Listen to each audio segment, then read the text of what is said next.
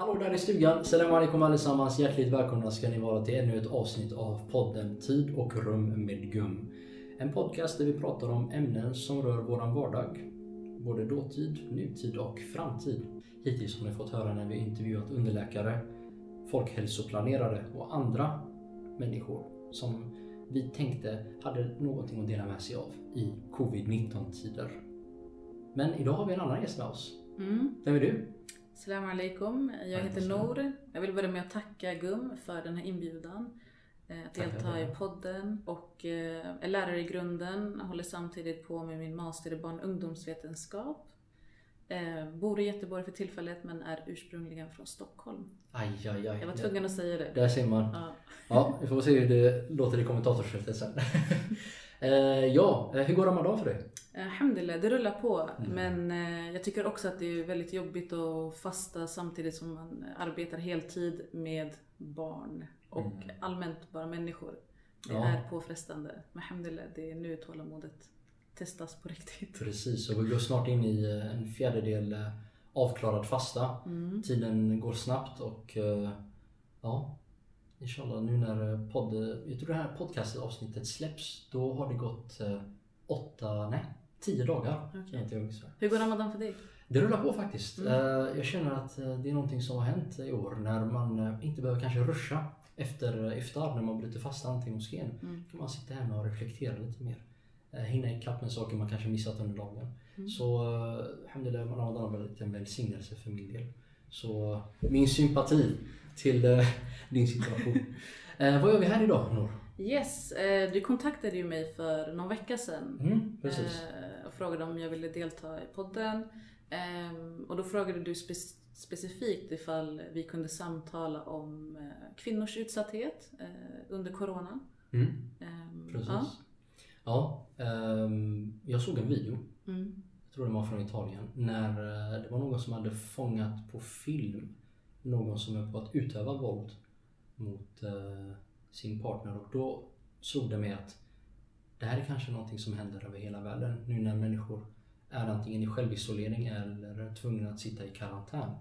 Eh, så jag tänkte att jag kanske skulle bolla det här Mm. med dig idag och se vad vi kan landa i. Ja. Mm. Ehm, alltså det, det man behöver typ ha klart för sig det är att det här förekommer oavsett om, det här, om, vi, om eh, världen befinner sig i en pandemi eller inte. Mm, mm. Eh, det här är ett problem.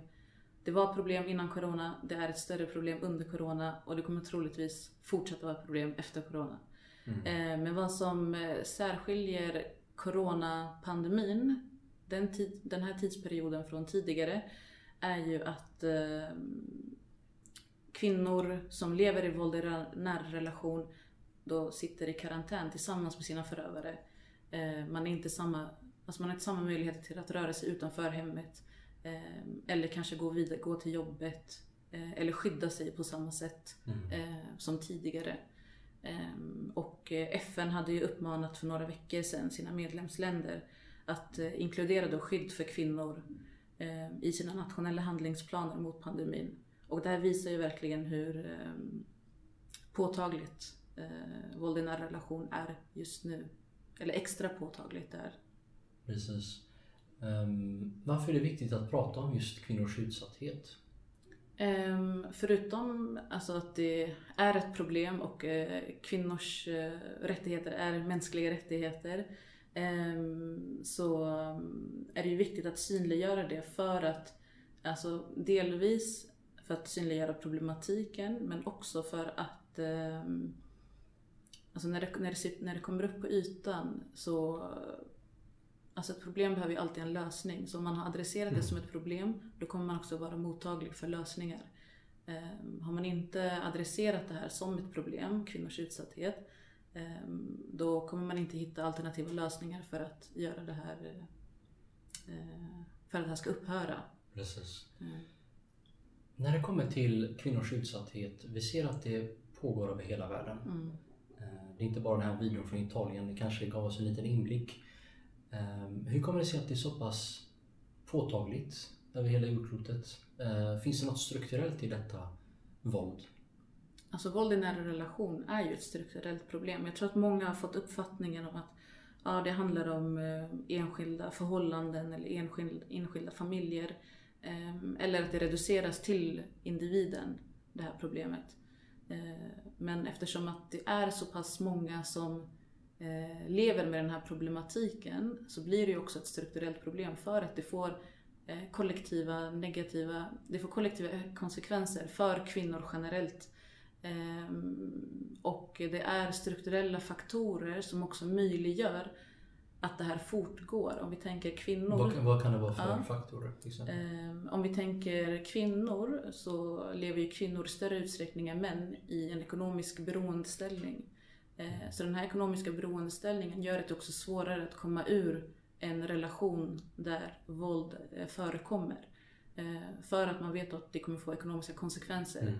Till Precis. exempel en person som lever tillsammans med en man eh, som misshandlar henne till exempel mm. och hon är i en ekonomisk beroendeställning. Då vet hon också ifall hon lämnar den här relationen så kanske hon och hennes barn eller hon själv inte har eh, samma typ av försörjning. Eh, kanske inte har ett hem att gå till eller eh, ja. Är, är detta våld vanligare i vissa delar av världen än andra delar? Ehm, jag har inte koll på mm. statistiken tyvärr. Eh, men det vi vet är att det är ett globalt problem. Mm. Eh, det spelar ingen roll om det handlar om Sverige i nord eller något annat land i syd. Eh, den här problematiken förekommer överallt. Precis. När man talar om våld, eh, någon som kanske har en mer populärkulturell syn på det tänker att det, har med, det tar sina fysiska uttryck. Mm. Men kan våld se olika ut? Hur kan våld se ut? Mm.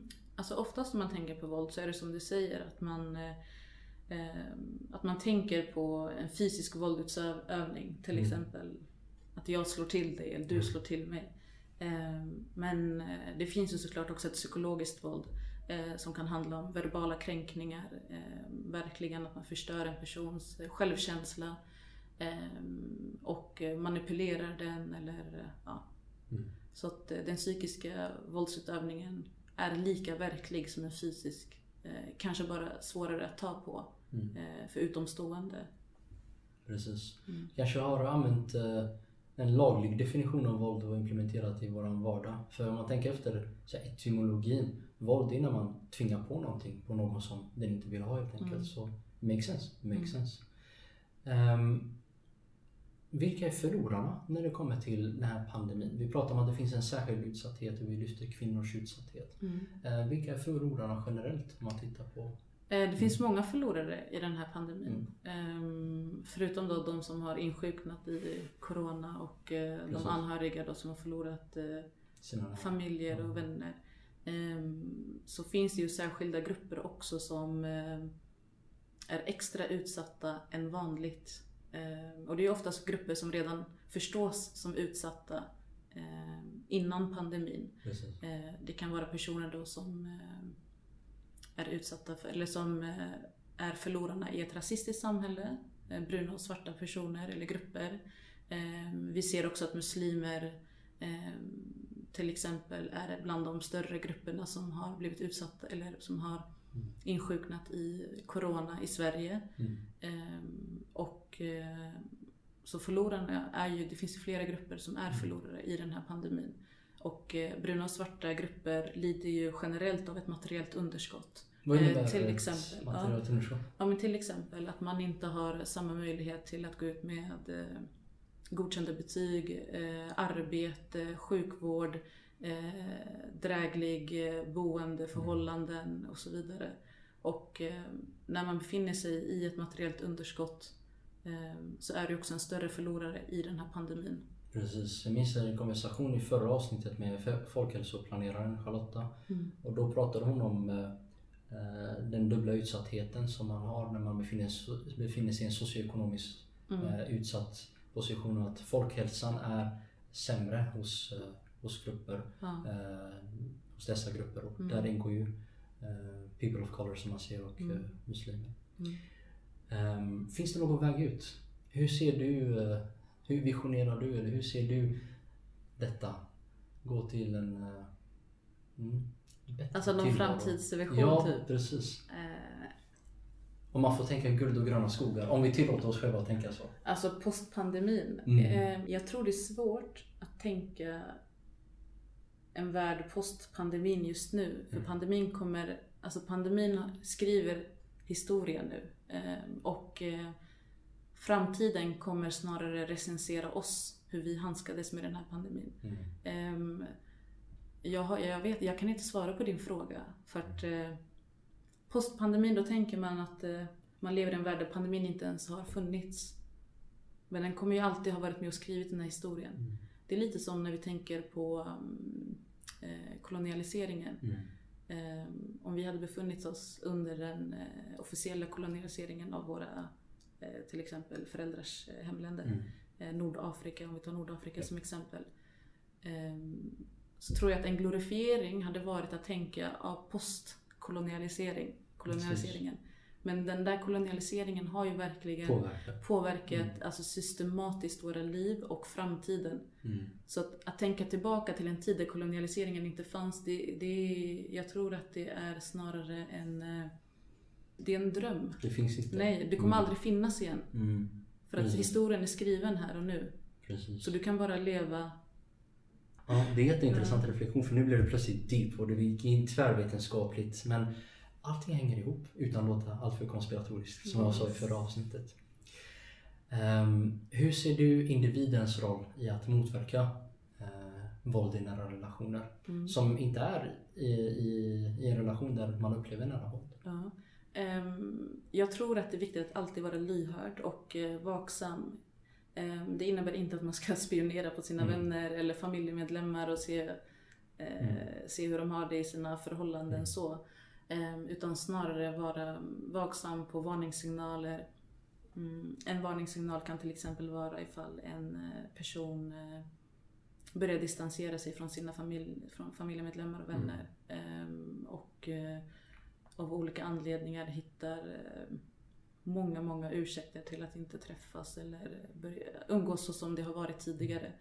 Ehm, Så att vara vaksam och lyhörd ehm, och aldrig då skuldbelägga offret. Precis, Eh. för de lever ju med någon trauma som kommer ta tid att eh, bearbeta. Mm. Hur kan jag, om jag har en vän som utsatts för uh, våld i en relation, hur kan jag vara där för personen? Tror du?